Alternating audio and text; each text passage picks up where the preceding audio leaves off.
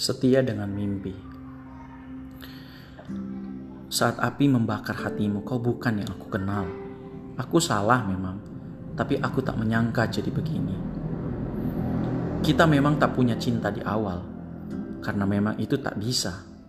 Tabiat kita berhimpun memang tak mengenal itu.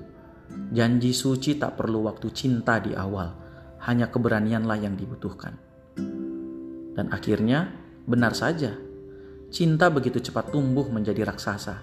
Saat janji suci terucap, saat keberanian menyala-nyala di hati.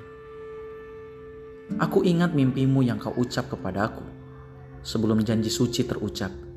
Dan semenjak itu, mimpimu menancap kuat di kepalaku, sama kuat dengan mimpiku.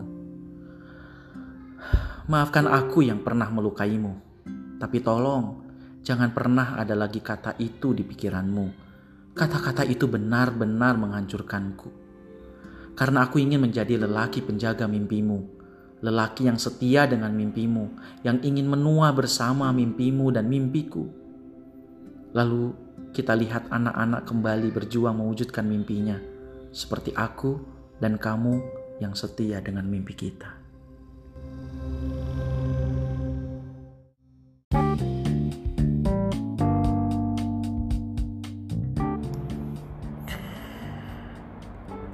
Saya ditanya, apa pekerjaan orang dewasa yang paling sulit? Saya menjawab, yang paling sulit dilakukan oleh orang dewasa adalah menceritakan mimpi besarnya sendiri.